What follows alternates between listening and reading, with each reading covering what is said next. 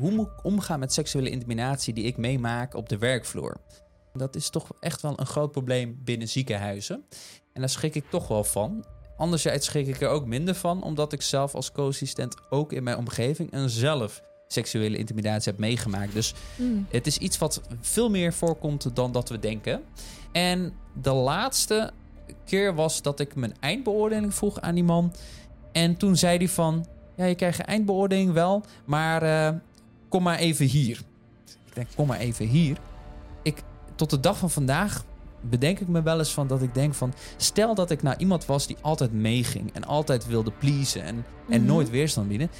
Dan, dan was je gewoon een prooi van die man. Welkom bij de Mentale Spreekkamer. Dit is de podcast waarin we jou meenemen achter de spreekkamerdeur. Elke week delen we interessante informatie, tips en verhalen die wij meemaken in ons dagelijks leven. Ik ben Chris, huisarts in SP, en naast mij zit Aisha, ehm, psycholoog en neurowetenschapper. En deze week hebben we een vraag gekregen van een van onze luisteraars die gaat over seksuele intimidatie. De Mm. vraag die was, ehm, de- deze mevrouw vroeg van, ehm, wat, hoe moet ik omgaan met seksuele intimidatie die ik meemaak op de werkvloer? En seksuele intimidatie is een vrij breed begrip. Absoluut. Ehm, hoe, hoe zou jij seksuele Mm. intimidatie beschrijven als definitie? Waar ik aan denk bij seksuele intimidatie is dat er in ieder geval een machtsverschil is. Hè? Intimidatie, dat er een bepaald machtsverschil is. Waarin één iemand seksueel getinte opmerkingen bijvoorbeeld maakt. Of seksueel getint ge- gedrag vertoont naar de ander. Die daar dan geen behoefte eigenlijk aan heeft. En dat hij daar misschien ook wat angstig door wordt of geïntimideerd door wordt. Ja. Ja, ik heb het opgezocht. En ik wat heb goed. toevallig ook Latijn gehad. Dus intimidaren, dat herken ik wel, dat woord. Maar wat het was, weet ik niet meer. Maar wat het eh, betekent is, intimidaren betekent bang maken of eh, schrik aanjagen. Ja, En in het Nederlands wordt het meer toegepast, of intimidatie wordt meer, ge- eh, wordt, wordt meer gedoeld naar gedrag eh, dat bedoeld is om iemand bang te maken, Mhm. iemand te beïnvloeden of iemand eh, wat te dwingen, zeg maar ergens naartoe te dwingen. Dus ehm, ja, dus, dus, dus seksuele intimidatie is inderdaad iemand bang maken of iemand beïnvloeden of iemand een bepaalde richting induwen, maar dan Ja. met seks eigenlijk als, eh, gevolg. als gevolg of, Of, als middel of, natuurlijk. of als potentie, ja. Precies. Dus daar, daar gaat het dus niet om aanranding en niet om verkrachting of iets dergelijks, maar gewoon meer met het voorstadium als het ware. ja, ja, precies. En, Of en- gewoon meer seksueel getinte opmerkingen en eh, misschien in je billen knijpen. Ja, dus het eigenlijk middel als eh, gevolg natuurlijk. Ja. Dus, dus eh, ja, het is, het, is, het, is, het is iets wat eigenlijk ook steeds meer onder de aandacht komt in het ziekenhuis. Mhm. En ehm, ik lees ook wel eens artikelen uit Medisch Contact. Dat is zeg maar het tijdschrift wat eigenlijk alle zorgprofessionals eh, krijgen en lezen. En daar staan dus allemaal artikels over, over wat specialisten gedaan hebben. Of nieuwtjes. Of, eh, maar dus ook over eh, seksuele intimidatie. En dat, en dat is toch echt wel een groot probleem binnen ziekenhuizen. En daar schrik ik toch wel van. Anderzijds schrik ik er ook minder van, omdat ik zelf als co-assistent ook in mijn omgeving en zelf seksuele intimidatie heb meegemaakt. Dus Mm, het is iets wat veel meer voorkomt dan dat we denken. ja. Medisch Contact had ook een interessant stuk eh, geschreven. Ze hadden een enquête van ehm, zo'n 6.500 eh mensen, artsen en artsen in opleiding. En het bleek dus dat 52% van al die 6.500 mensen dus te maken heeft gehad met seksuele intimidatie. 52 procent? Ja, dus meer dan de helft. En daar schrok ik best wel van. Weet je. En ehm, eh, seksuele intimidatie, ik, ik, ik, ik vertel het misschien verkeerd. Het ging meer over grensoverschrijdend gedrag, waaronder seksuele intimidatie. Ik heb de statistieken ook hier toevallig opgezocht. Ehm, in, in die enquête van 6.500 mensen bleek dus dat zo'n 31% last had van intimidatie of machtsmisbruik, waar we Mhm. het net over hadden. 29% over seksueel grensoverschrijdend gedrag. Oké. Eh 17% discriminatie slash racisme. En eh, 15% gaf aan last te hebben van pesten. Jeetje. Je En dat allemaal samen, dus de helft van de mensen heeft een van die nare dingen Ja. meegemaakt op de werkvloer. dus inderdaad 52% van al die artsen in opleiding of artsen die al klaar zijn met de opleiding heeft te maken gehad met grensoverschrijdend gedrag. Och, En dat is ja. best schokkend, want ik herinner me nog tijdens de opleiding dat we heel vaak eh, lessen hebben van ethiek, hoe je moet omgaan met de patiënt, Mhm. ehm, de communicatie vormen met de patiënt, hoe je moet omgaan met grensoverschrijdend gedrag van de patiënt naar jou ja, toe. Maar ik heb nooit een les gehad van grensoverschrijdend gedrag van mijn collega's naar mij toe. Nee, en zeker bij een zorgberoep, dan is dat wel het laatste wat je hoopt. Want uiteindelijk, ik denk dat je eh, dokter of arts wordt omdat je mensen wilt helpen. En dat je mensen beter wilt maken. Dat is uiteindelijk, denk ik, de reden dat je geneeskunde kiest. Ja, En niet om andermans grenzen over te gaan en ehm, ja, ja. En, en, en soms, seksueel te intimideren. Nee, precies. En soms denk ik dan ook bij mezelf van... ehm, misschien zijn we zo gepreoccupeerd dat, of, of zo gefocust op de patiënt... dat we elkaar vergeten als collega's. Ja, dat is wel herkenbaar. Misschien, misschien is dat het wel. Zorgbreed. Ja, maar, maar, maar ik vind het toch wel schokkend dat vooral in het ziekenhuis... Kijk, eh, begrijp me niet verkeerd. eh, dit gebeurt natuurlijk overal. Dit gebeurt in de eh, advocatenwereld. Dit Mhm. gebeurt op de Zuidas, eh, consultancies. Het gebeurt overal. Maar in het ziekenhuis vind ik het toch wel extra apart. Omdat wij juist heel veel... ehm, ja, omdat wij toch heel erg gefocust zijn op, op gedrag van de patiënt naar ons toe. Dus hoe kunnen we Ja. dat, waarom zijn we dan niet gefocust op gedrag naar elkaar toe? Dat vind ik toch wel heel bijzonder. En ik denk ook niet dat we dat, dat, dat wij artsen dat bewust doen naar elkaar toe. Ik ben er gelukkig niet schuldig aan hoor, maar ik heb het wel ondervonden. Dus ik snap de vraag van de, van de, van de luisteraar wel. Mhm. Eh, het komt veel meer voor dan dat we denken, helaas. Ja, En eh, we gaan proberen om, eh, om een antwoord te vinden op hoe je daarmee omgaat natuurlijk. het is natuurlijk wel een, echt een extreem hiërarchische wereld. Ik heb Ja. zelf ook in het ziekenhuis gewerkt en je merkt wel die hiërarchie, die straalt in alles door. Ja, En ook veel vriendinnen van mij, die zijn ook artsen en vrienden. En die merken ook elke keer die hiërarchie wel. Of dat nou inderdaad seksuele intimidatie is of pestgedrag. Of hè, dat je toch het gevoel hebt dat je dan ondergeschikt bent. Omdat je, hè, je moet in een specialisme komen. En dus tolereer je eigenlijk veel meer dan dat je zou willen. Omdat je niet de kans wilt ontnomen hebben dat je straks de baan krijgt die je wilt. ja dus je bent echt eigenlijk onderdanig aan mensen die Ja, zeg maar jou, jouw toekomst kunnen bepalen. En daar gaat het denk ik ook misschien, eh, ja, misschien toch wel fout. Dat iemand te veel macht krijgt over je. Want ik herken het wel heel erg tijdens de kooschappen. Ja, de kooschappen zijn dus inderdaad... ehm, misschien even de geneeskundeopleiding eh in een notendop. Duurt ongeveer vijf tot zes jaar. Eerste drie jaar heb je een bachelor. Daarin ga je Mhm. naar colleges, heb je werkgroepen. En zie je niet heel veel van het ziekenhuis eigenlijk. Je hebt het voornamelijk heel theoretisch. En daarna loop je kooschappen, wat eigenlijk drie jaar en dan samengekropt is in 2,5 jaar, want je hebt nauwelijks vakanties. En daarin kom je zeg maar op elke afdeling terecht. En ehm, ja, ben je echt de, de, de, de student die, die een beetje meeloopt met de specialist. Dus je bent Ja. echt de sleutelhanger van de specialist. En eh, veel specialisten vonden dat leuk, maar ook heel veel specialisten hadden totaal geen zin in je.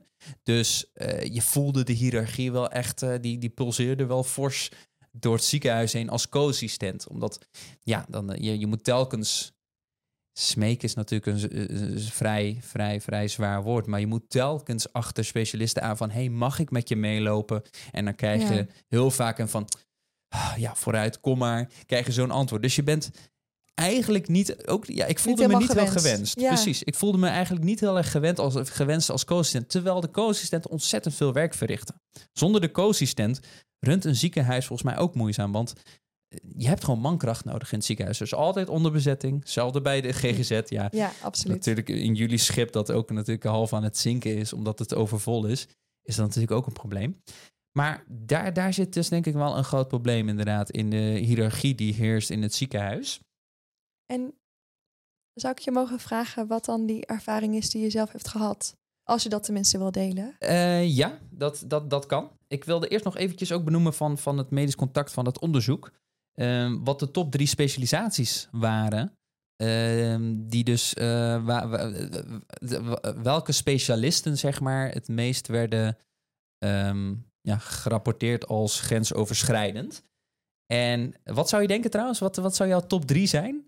Mijn top drie? Ja, wat, welke specialisten in het ziekenhuis zouden volgens jou het meest grensoverschrijdend gedrag vertonen uit dus de enquête van 6.500 artsen in opleiding?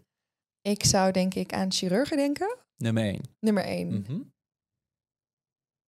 Misschien een patholoog, anatoom. die, die snijden natuurlijk in lijken. Dus. Oké, oké, oké. Nee, grapje. Ik denk niet... eh, ik, eh, nee. Ehm, ik denk chirurgen. Mm, Een wilde gok. huisartsen niet. Mm, kinderartsen ook niet. Ja, ik kom eigenlijk niet heel veel verder dan chirurg, denk ik. Dus alleen chirurgen vertonen grensoverschrijdend gedrag, denk je? Ja, verder je hebt er natuurlijk heel veel chirurgen. Ja, Ja, dat is er meer dan dat, dat stel ik me dan meer voor als de hele dominante, de, de wat dominantere persoonlijkheden die ehm, nogal direct zijn, omdat ze natuurlijk dat ook nodig hebben voor hun werk om onder hoge stressvolle situaties snel keuzes te maken en daarin doortastend te zijn. ja. En die ook, ehm, ik, ik kan me eigenlijk, ja, dit getuigt denk ik hoe moeilijk het is om voor te stellen dat ehm, eh, artsen grensoverschrijdend zijn. Want ik stel me voor, kijk, voor dat je zelf een huisarts hebt. Ik stel me gewoon een sympathieke huisarts voor die altijd naar je luistert. Of Ja. ik stel me bij een, eh, een kinderarts voor, juist de, de, de lieve papa of mama die om zich om kinderen bekommert. Dus ik kan me eigenlijk ook gewoon helemaal niks voorstellen, als ik heel eerlijk ben. Behalve dan bij de chirurgen. Sorry als er chirurgen naar luisteren. Ja. Zeker niet iedereen. maar nee, ik vind het heel moeilijk, merk ik. Ja, kijk, ja, chirurgen inderdaad eh, zijn wel mensen met een vrij sterke persoonlijkheid. En ook enige vorm van zelfvertrouwen misschien. Omdat, ik weet niet of dat het juiste woord is. Maar je moet wel in acute situaties, als er acuut een bloeding is of wat dan ook, of acuut een ontsteking is, dan moet jij wel heel... eh, halve stad wordt hier afgeknald eh, op de achtergrond. Met vuurwerk, denk ik. Ik weet niet waar dat vandaan komt. Ik werd even afgeleid, sorry. Maar chirurgen zijn wel mensen die knopen moeten doorhakken. Ja, En dat zijn wel mensen die een beetje doorpakken en doorhakken. Eh, letterlijk en figuurlijk. Dus inderdaad, daar, dat, die stond ook op nummer 1. en de andere dan? Nummer 2, internisten. Oh, En dat vond ik heel bijzonder. Want internisten vind ik, zeg maar, mijn ervaring met internisten zijn dat het echt gepassioneerde. Ja, het klinkt heel stom om te zeggen, maar het zijn wel de hele, hele gepassioneerde nerds. ja, ik moet ook denken aan een wandelende encyclopedie. Gewoon Ja. als je er niet uitkomt, ga je naar de internist en die, Precies. die snapt het opeens. Precies, iemand die dan eh, zeg maar 40 uur per week zich ook zou kunnen bekommeren over eh, natrium in je bloed, zout in je bloed en dat helemaal geweldig vindt. Ja, Zeg maar, dat zijn de internisten die ik ken. Altijd gepassioneerd, super diepgaand, super breeddenkend. Eh, je kan altijd terecht bij ze. Maar goed, toch stonden ze op nummer 2. Dus dat vond ik bijzonder. En nummer 3. Daar, dat, dat vond ik heel bijzonder, want het vak zelf eh, heeft ook wat raakvlakken met, met seks, zeg maar. Dat zijn de gynaecologen. echt? En dat, dat, dat- ik denk, chirurgen, internisten denken van, nou goed, oké, dat, dat vind ik jammer. Maar gynaecologen, het is je, ja, dat Zijn gynaecologen niet ook alleen maar vrouwen? Grotendeels wel, maar ook veel mannen. Zeg maar in de academische ziekenhuizen, dus de, de, de, dus de, de wat grotere ziekenhuizen, om het even sim- simpel te noemen, had je wel aardig wat mannelijke gynaecologen. Maar ik vind het toch wel zorgelijk dat het ook vanuit die hoek komt of zo. Op een of andere manier voelt dat niet lekker. Nee, nee. Ik eh, denk gelijk aan een aantal vriendinnen van mij die gynaecoloog in opleiding zijn of eh, daartoe zich willen specialiseren. Dat Nou. ik ze na deze podcast even een berichtje moet sturen. Ja, nou goed. Ik hoop niet dat zij eh, schuldig zijn aan eh, dit soort praktijken. Maar dat is dus inderdaad de top drie. De chirurgen, internisten, gynaecologen. Ook wel een naar idee inderdaad. Want tenminste, ehm, nou, ik, ik spreek even voor mezelf. Ik zou het wel heel erg kwetsbaar sowieso al vinden als je daar als, als cliënt dan in je naki daar ligt. En dan is het ook geen fijn idee dat dan... Ja, het is gewoon geen fijn idee Nee. dat, dat de collega's ook niet goed met elkaar dan om zouden gaan. Ja. Weet je toevallig ook in die enquête of dat dan op seksueel vlak is... of dat dat gewoon toch meer het hiërarchisch is? Want gynaecologie is natuurlijk wel een heel ehm, competitief specialisme... omdat heel veel mensen het willen. Dat daar bijvoorbeeld meer pestgedrag zit... of meer, eh, hè, minder zelfzorg, meer overuren. Dat stel ik me er dan iets meer bij voor dan grensoverschrijdend gedrag. Nou ja, kijk, in, in die enquête van 6.500 mensen eh, werd er dus verdeeld op wat voor grensoverschrijdend Ja. gedrag. En we willen natuurlijk niet zeggen dat, dat de gynaecologen alleen maar seksueel grensoverschrijdend gedrag vertoonden. Ehm, dat is dus, dus, dus is een van die klachten. Hè. Dus het kan ook zijn dat ze meer van de intimidatie zijn of meer van de discriminatie of van pesten. Ja, misschien mannendiscriminatie. Nou, wie weet, wie weet inderdaad. Maar het is toch wel, eh, ja, toch wel jammer om te, om te zien dat er uit zo'n enquête zoveel negatieve dingen naar voren komen. Ja. En, en kijk, als co-assistent, op een of andere manier het overkomt je. Ik, ik zal een verhaal vertellen. Ik herinner me nog, want dat was ook je vraag. Ik herinner me nog dat ik uh, kooschappen liep bij de KNO, heelkunde. Uh, dus dat is de keel, neus en oor specialist, om het even zo te noemen. En ik had een KNO-arts en dat was hartstikke gezellig. En het was gezellig in de zin van, kon met hem gewoon op een, op een gezellige manier praten over het weekend, over, uh, over, over, over werk, maar gewoon een beetje over alles. En dat was hartstikke gezellig en we hadden hartstikke goede klik. En gedurende de kooschappen merkte ik gewoon dat die man een beetje bijzondere vragen aan mij aan het stellen was. Dat ik echt dacht van, hè, wat, wat bedoel je nou? Dus uh, ik herinner me nog dat we, dat, ik had dan een vrouwelijke uh, co-assistent als collega. En toen stelde hij een vraag van, hey, uh, val je daarop of val je ook op mannen? Ik denk van, nee, nee, ik val niet op mannen. En, en dan zaten we gewoon een beetje te kletsen van, inderdaad, het is een mooie meid. Um, en whatsoever. Gewoon een mannenklets. Laten we het even zo noemen. Gewoon totaal onschuldig, normaal. En hij begon erover, dus ik antwoordde gewoon normaal. En dat, dat ontwikkelde zich steeds meer naar dat hij dan op een duur telkens een beetje hints aan het geven was. Zei hij van, hey, wat vind je van, uh, van uh, bijvoorbeeld uh, mannen van, van mijn leeftijd? Ik denk van, hè, maar daar hebben we het vorige keer al over gehad. Ten eerste en ten tweede, ik ben co-assistent. Ik, ik ben hier niet om met jou te hebben over wat mijn voorkeuren zijn. En waarom hebben we het hier over? Dus we toen ook aangegeven, nee, ik ben, ben niet van de mannen en ik heb daar geen idee over. En toen begon hij over van, ik heb, even, ik heb afgelopen nacht heb ik het met mijn vrouw over gehad. En, die ze, en ik heb hem, haar verteld dat ik een hartstikke leuke blonde jongen op mijn afdeling heb lopen. Oh. En toen dacht ik bij mezelf van, gadverdamme. Oh, ja. Dat Ja. was wel echt mijn eerste gedachte. Dat ik dacht van, meen je dit nou? Ga je dit nu... Want ik was 18 of 19. Ik, eh, of, of nee, ik was denk ik ondertussen 21. Maar goed, het voelt allemaal hetzelfde. En toen dacht ik bij mezelf van, hé, hey, wacht eens even. Eh, Dit is een beetje raar wat je, wat je, nu, wat je nu zegt. En ik liep een beetje vast, want ik had zoiets van, nou oké, eh, dit is heel raar. Maar goed, eh, kapte het ergens af en toen ging weer door. En dat bleef zich maar ontwikkelen. Dus ik herinner me nog dat eh, trommelvliesbuisjes aan het schieten waren. Dus kindjes die vaak ontstekingen hebben, kun je op een duur een buisje inschieten, Mhm. zodat het wat meer ontlucht. En ik wist nog dat ik dus, eh, dat ik dus met hem meeliep. Ik mocht wat buisjes inschieten. Eh was super leuk. En toen liep hij dus naar een andere kamer toe. Dus ik dacht, ja, als co-assistent ben je gewoon een sleutelhanger. Je loopt er gewoon achteraan. En toen liep hij naar de wc. En toen zei hij van, ook ga naar de wc. Maar als je wil mag je mee hoor. Oh. En toen dacht ik van, nou, nou, dit, gaat, dit kan echt niet. Dit gaat echt te ver. En je bent 21. Je bent afhankelijk van die man. Die man geeft je de eindbeoordeling. Ehm, je hebt geen regie of macht, überhaupt niet. En als jij iets doet wat hem niet bevalt, dan krijg je gewoon een slechte eindbeoordeling. Dat is precies hoe het werkt. En toen dacht ik bij mezelf, ja, dit, dit, dit kan eigenlijk echt niet.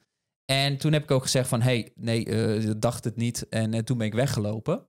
En de laatste keer was dat ik mijn eindbeoordeling vroeg aan die man. En toen zei hij van, ja, je krijgt je eindbeoordeling wel, maar eh, kom maar even hier. Ik denk, kom maar even hier. Het was dat ik toen al vrij... ehm, als co-assistent heb je verschillende groepen, zeg maar. Eh, je hebt de mensen die heel meelevend zijn en alles geven. En, eh, en, en, en, en, en, en, en niet echt eh, zeg maar hun pols stijf houden. Maar ik was meer van de andere groep. Dus ik was wat meer van als ik het idee had dat iets niet terecht was, dan gaf ik weerstand. Ja. Dus, dus tot de dag van vandaag bedenk ik me wel eens van dat ik denk van... stel dat ik nou iemand was die altijd meeging en altijd wilde pleasen... en, en Mhm. nooit weerstand bieden... Dan, dan was je gewoon een prooi van die man. Sorry dat ik je stoor. Uit onze statistieken blijkt namelijk dat 80% van al onze luisteraars nog niet geabonneerd is. Terwijl dit gratis is en ons enorm helpt.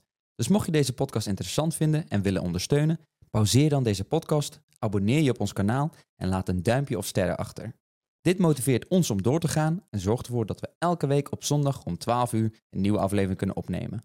We gaan weer verder met de podcast. Dan was je gewoon een prooi van die man. Met alle respect. Want ik wist nog dat hij zei bij de eindboring... zei van kom maar even. En dan stond hij in de hoek met zijn rug naar mij toe. En toen zei ik ook van... hé, hey, wat, wat wil je nu eigenlijk? En toen zei hij van, ja, kom maar even hier, kom maar even hier. Ik heb hier wat prijzen, die wil ik laten zien. Ik zeg, nee, kom daar niet. Ik vind een beetje raar gedrag. En toen draaide hij om en toen zei ik van, hey, geef me gewoon mijn eindbeoordeling. En toen zei hij van, ja, dat kan, maar uh, naar de darkroom. Darkroom? Ik dacht, darkroom? Kijk, ik zit helemaal niet in die scene, dus ik heb geen idee wat, wat een darkroom is. En ik herinner me dat ik toen die avond, eh, toen, toen zei ik ook van Darkroom, ik zei van ja, uh, nee, ik wil gewoon mijn eindbeoordeling en ik moet weg. En toen heeft hij de eindbeoordeling gegeven en die was, uh, die was lyrisch, lovend. En toen kwam ik thuis en toen googelde ik wat een darkroom was. En het bleek dus een room te zijn in de, in de, in, eigenlijk in de homoseksuele wereld, waarin men hun seksuele handelingen vertoont of, of, of uitvoert na een feestje. En toen dacht ik bij mezelf van, dit, dit is zo bizar. Heel ongepast. Ja, het is een man van 50 plus. Hoe kan je het in je hoofd halen dat je een onderdanige co-assistent van 20, 21, ja. dat je insinueert dat hij met jou mee moet naar een darkroom om een eindbeoordeling te krijgen? Ik besefte pas achteraf hoe bizar dit was. En moet je nagaan dat jij al meermaals bij elke toespeling eigenlijk je grens hebt aangegeven. Ja, ik heb het geregeld. Natuurlijk wel, zeg maar niet keihard, zoals ik het nu zou doen, omdat ik het niet door had. Maar wat, wat, wat ik wel me is dat dit soort intimidatie, dat gaat zo gestaag en zo geleidelijk, dat je het niet door hebt. Ja, en in het begin begint het ook best wel subtiel. Ja. Want het klinkt ook, uh, ook hoe je het vertelt, hoe het dan zo begint. Dat hij dan zegt zo van, hey, um, knappe meid die je hebt, ben je, val je op meiden of val je op jongens? Dan denk je van, oh ja, het kan ook gewoon een nieuwsgierig iemand zijn. En zeker omdat je een goede klik hebt. Precies. Dat je dan een beetje denkt zo van, oh, ik had die vraag niet verwacht. Maar dat je er eigenlijk niks achter zoekt. Klopt. En dat je ook af en toe een grapje kan hebben van, hey, het kan ook een... In het begin kan je misschien ook als je, ja, het wat naïef inzien van, oh, hij wil gewoon, hij is gewoon aan het vissen naar een complimentje. Het is ook iemand die hard werkt en dus ook zijn leven. Die is gewoon af en toe aan het vissen naar een complimentje. Als hij vraagt van, hey, wat vind je van mannen van mijn leeftijd? Misschien denk je, Hè, als 18, 19 jaar je wil gewoon horen van... hé, hey, je hebt geen rimpels of zo oud ben je niet... of je bent nog wel gewoon relaxed of zo. Even een complimentje vissen van die jonge blonde Ja, in het begin dan, dan, dan zoek je er misschien niet iets achter. Dan heb je misschien zo ergens misschien een zweempje... dat je denkt van, hmm, beetje gek. Ja. Maar het is ook niet iemand... Hè, we stellen ons denk ik ook vaak voor bij iemand die seksueel overschrijdend gedrag vertoont... of bijvoorbeeld bij mensen die mensen aanranden of verkrachten... dan stellen we eigenlijk, denk ik vaak voor dat is die, um, de, die dominante woeste man in het park met een uh, bivakmuts op, die je met een pistool bedreigt. Dus je stelt je eigenlijk voor van, hé, hey, diegene is gewoon door en door slecht of negatief. Mhm. En daarom vertoont hij dat gedrag. Je stelt je niet, ik zou maar zeggen, ja, je aardige buurman of je, of je lievelingsoom voor. Die dus juist door middel van dit soort tredetjes eigenlijk steeds een stapje verder gaat. Klopt. Terwijl je diegene nog steeds eigenlijk aardig vindt. Ja, precies. En, en dat, dat is het, uh, dat is het uh, vervelende ervan. Zo'n iemand gedraagt zich dan hartstikke aardig en levelt zich ook op jouw niveau. Want een man van 20, 21 die studeert, kooschappen loopt, mhm. eigenlijk alleen een weekend heeft, zeg maar, qua vrije tijd. En verder, je, komt, je gaat. Ik wist nog dat mijn wekker ging om 6 uur en ik kwam om 8 uur thuis ja, je leeft een beetje naar het weekend. Dus dat is ook een beetje een onderwerp waar je zeg maar graag over praat. Over stappen, over dit en dat. En als iemand dan zich zo levelt op dat niveau en dan verhalen deelt van vroeger, dan heb je vrij snel een band.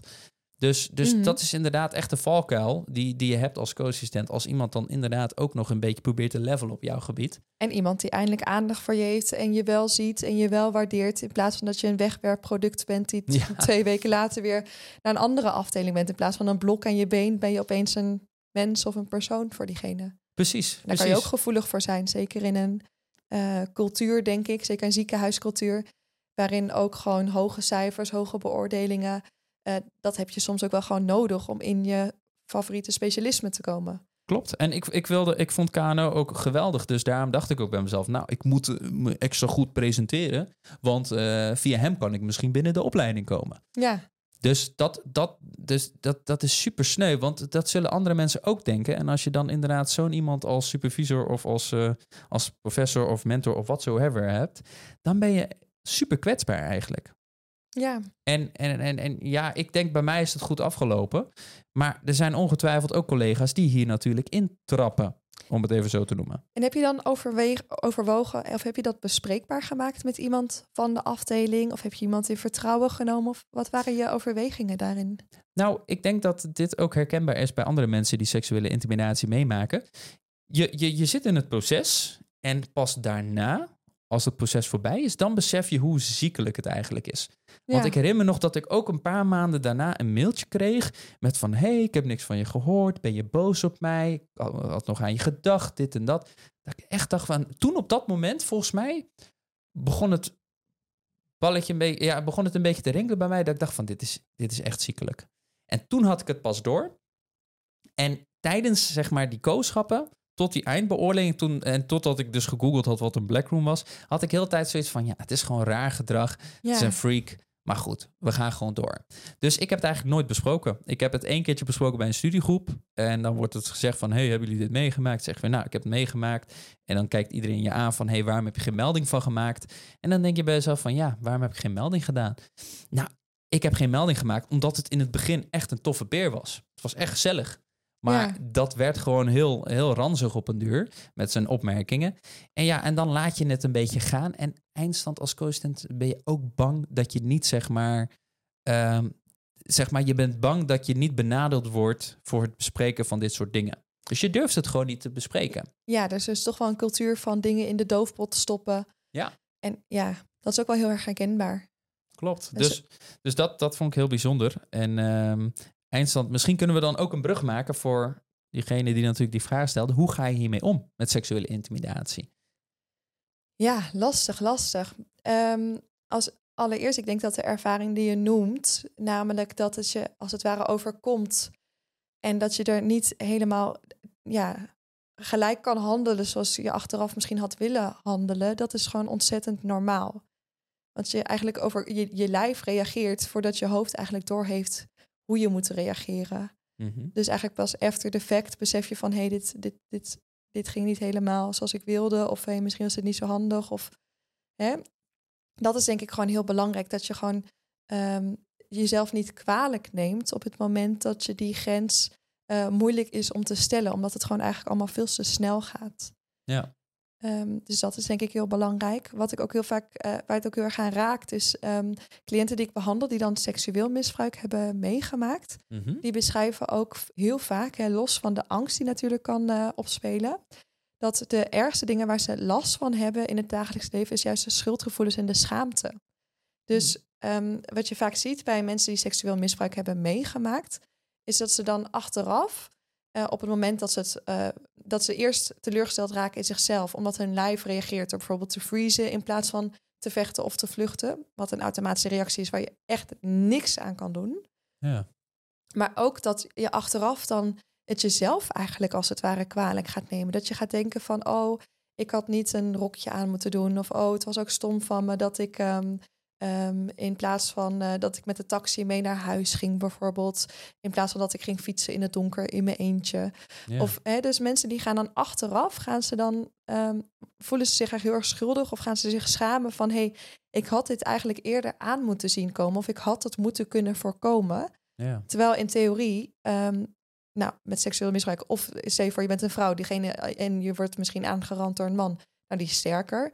In jouw geval, ja, diegene is veel ouder, die is veel machtiger, die is veel dominanter. Vaak dan heb je gewoon een nadeling, nadelige positie. Misschien is iemand ook ouder dan je. Ja.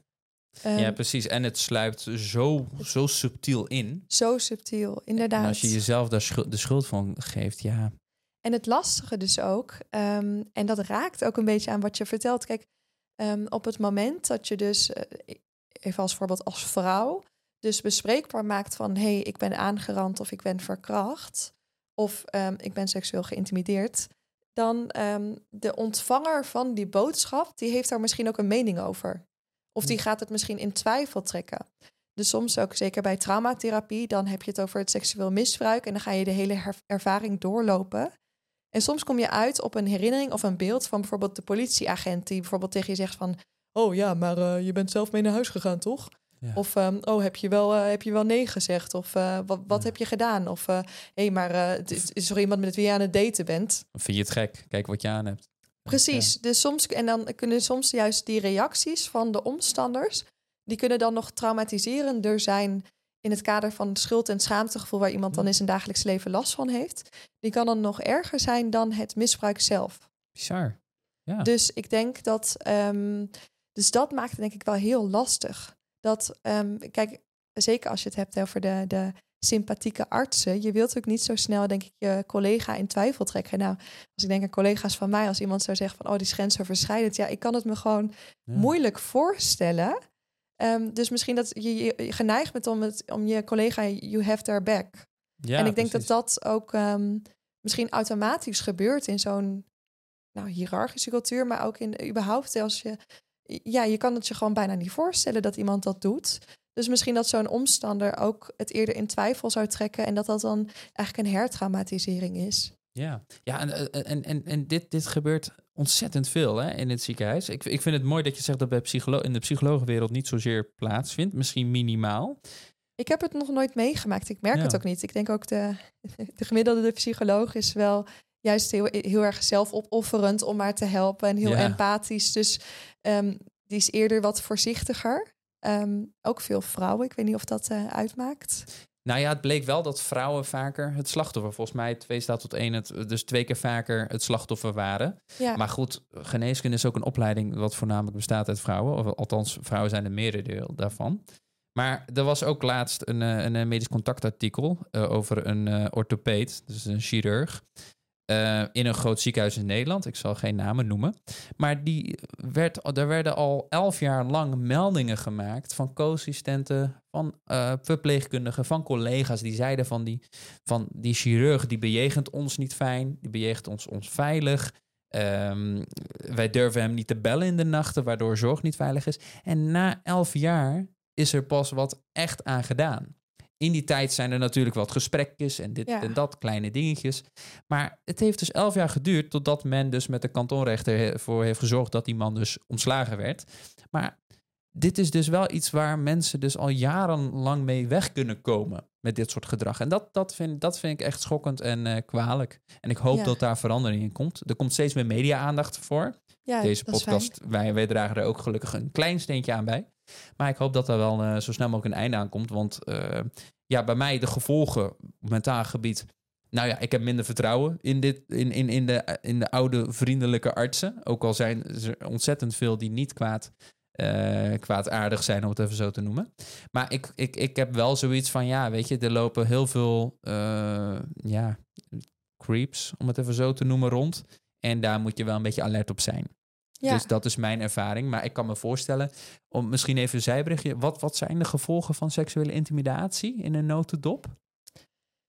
kan eigenlijk van alles, ehm, eh, van alles zijn. Het, het is niet, ik zou maar de seksuele intimidatie aan zich die een bepaald gevolg heeft. Het is natuurlijk ook de aard en de frequentie van de seksuele intimidatie. Misschien ook eh, hè, wat je in je privéleven sowieso al meemaakt. Dus het kan in die zin, kijk, stel je voor dat jij in een ehm, onveilige thuissituatie bent opgegroeid, dat je misschien al vaker nare ervaringen hebt gehad, of misschien op het gebied van pesten of seksuele intimidatie of wat dan ook. Ehm, dan kan, ik zou maar zeggen, eh, dit een herbevestiging zijn van iemands mens- of wereldbeeld. Dus dan kan het eigenlijk je, je vertrouwen eigenlijk extra schaden. Terwijl misschien stel je voor dat je heel erg eh, steady leven hebt gehad en je hebt één keer nare ervaring, dan kan je het misschien meer attribueren aan de andere persoon. Als je denkt zo van, oh, dat was een rotte appel in het vak. En dat was gewoon een beetje een raar persoon. Maar dat je het helemaal los van jezelf kop- koppelt. Maar als zoiets natuurlijk herhaaldelijk gebeurt, misschien ook in je privéleven of in je jeugd, dat je nare ervaringen hebt meegemaakt, dan kan het natuurlijk wel veel meer gaan inwerken ook op je zelfvertrouwen. Dus dat je zelfvertrouwen eigenlijk steeds meer, eh, steeds onzekerder wordt. Dat je misschien op een gegeven moment ook wat je vaker ziet op het gebied van zeker langdurig seksueel misbruik, is dat mensen ergens de conclusie gaan trekken van hé, hey, dit overkomt mij telkens, dus ik verdien het. Dus die ontwikkelen eigenlijk een gevoel van he- minderwaardigheid, doordat er eigenlijk zo'n archief aan negatieve ervaringen is, waarbij ervaringen zoals dit dat telkens maar weer bevestigen.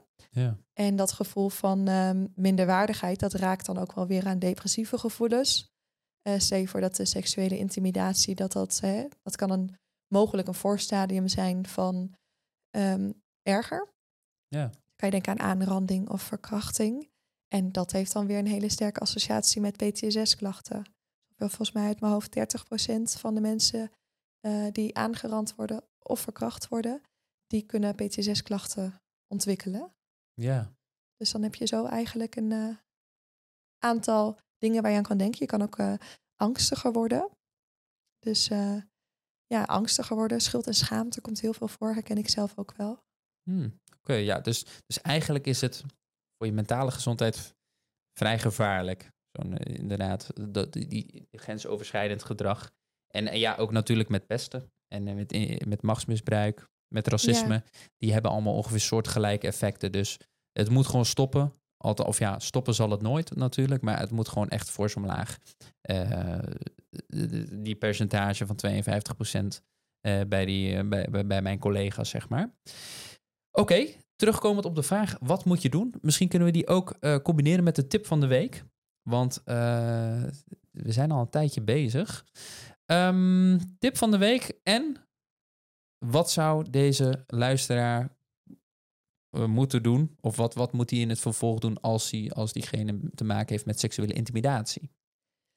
Ja, ehm, allereerst, het aller, aller, allerbelangrijkste is denk ik dat het niet jouw schuld is. Mhm. Dus het is niet jouw schuld als je dit overkomt en je hebt hier geen aandeel in. Dus je bent een slachtoffer, je bent niet medeplichtig. Mhm. En uiteindelijk jij, hoop je eigenlijk van nee, in een ideale situatie heb je wel iemand op de werkvloer die eh, mogelijk aan jouw kant staat. Dus bijvoorbeeld een vertrouwenspersoon of misschien een bevriende collega. Of ja, in een ideale situatie misschien ook een leidinggevende ehm, met wie je dit kan delen.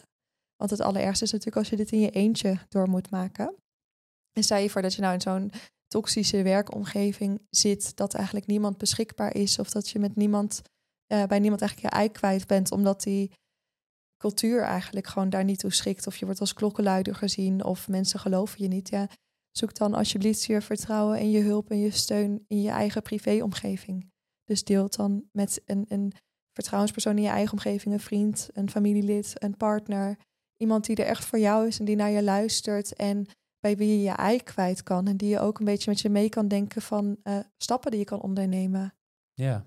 ja, en ook inderdaad, soms leidinggevenden kunnen soms ook in zo'n giftige omgeving, om het even zo te noemen, verwikkeld zijn. Ik heb het ook wel eens meegemaakt dat ik dan wat aangaf en dan werd het ook een beetje weggewimpeld. Er is altijd wel ook een positie daarboven, boven die leidinggevende, die je ook kunt benaderen voor zo'n situatie. Ja, je hebt ook vaak ook zeker grote organisaties waar vertrouwenspersonen. Ja. Dat is denk ik ook wel een aangewezen persoon. ehm, nou, waar je in vertrouwelijkheid dit soort informatie kan delen. Precies. Dus, dus, dus inderdaad, het, het, het, het is niet een klein wereldje. Het wereldje is groter. Dus Ja. als je niet bij een leidinggevende terecht kan of niet het idee hebt of gevoel hebt dat je daar terecht kunt, dan kun je ook wat hoger gaan zitten. Ehm, want eindstand, eh, seksuele intimidatie tot een bepaalde vorm, is gewoon ook een strafbare feit.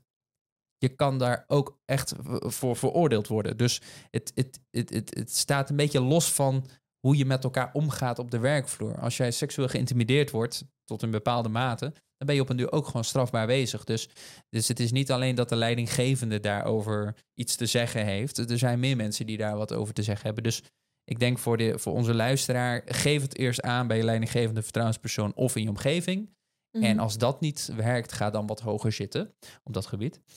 En ik denk dat dat ook onze tip van de week dan inderdaad is. Denk het ook. Nou, ik hoop dat er na deze podcast en überhaupt in de toekomst eh, minder sprake is van grensoverschrijdend gedrag en seksuele intimidatie. En mocht jij wel eens eh, slachtoffer zijn geweest van seksuele intimidatie of van andere aard en daar bijvoorbeeld eh, klachten van hebben of een PTSS aan hebben overgehouden, dan kan je altijd contact opnemen met ons. Kun je contact opnemen met Aisha en kun je een gratis inventarisatiegesprek inplannen. En dan kan Aisha met jou meedenken wat voor jou het beste is in jouw geval en jou eventueel helpen daarin.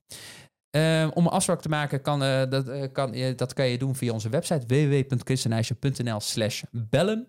En eh, ja, we hebben een agenda openstaan en daar kan je een afspraak inplannen wanneer dat jou eh, uitkomt. En Aisha die maakt dan wel tijd ergens. Zeker. Super. Oké, nou Aisha, bedankt voor, eh, voor dat je erbij was. Ja, jij ook bedankt voor je openheid. Ja, graag gedaan. Ik heb nog wel wat verhalen, maar die kan ik helaas niet deze podcast delen. Doe ik de volgende keer van bizarre verhalen die ik heb meegemaakt. Ook op het gebied van grensoverschrijdend gedrag. Maar dat delen we de volgende keer. Nou, heb ik er ook wel wat van. Ja, oh, nou goed. Daar gaan we dan de volgende keer bij stilstaan. Oké, bedankt voor het luisteren en tot de volgende week. Tot volgende week.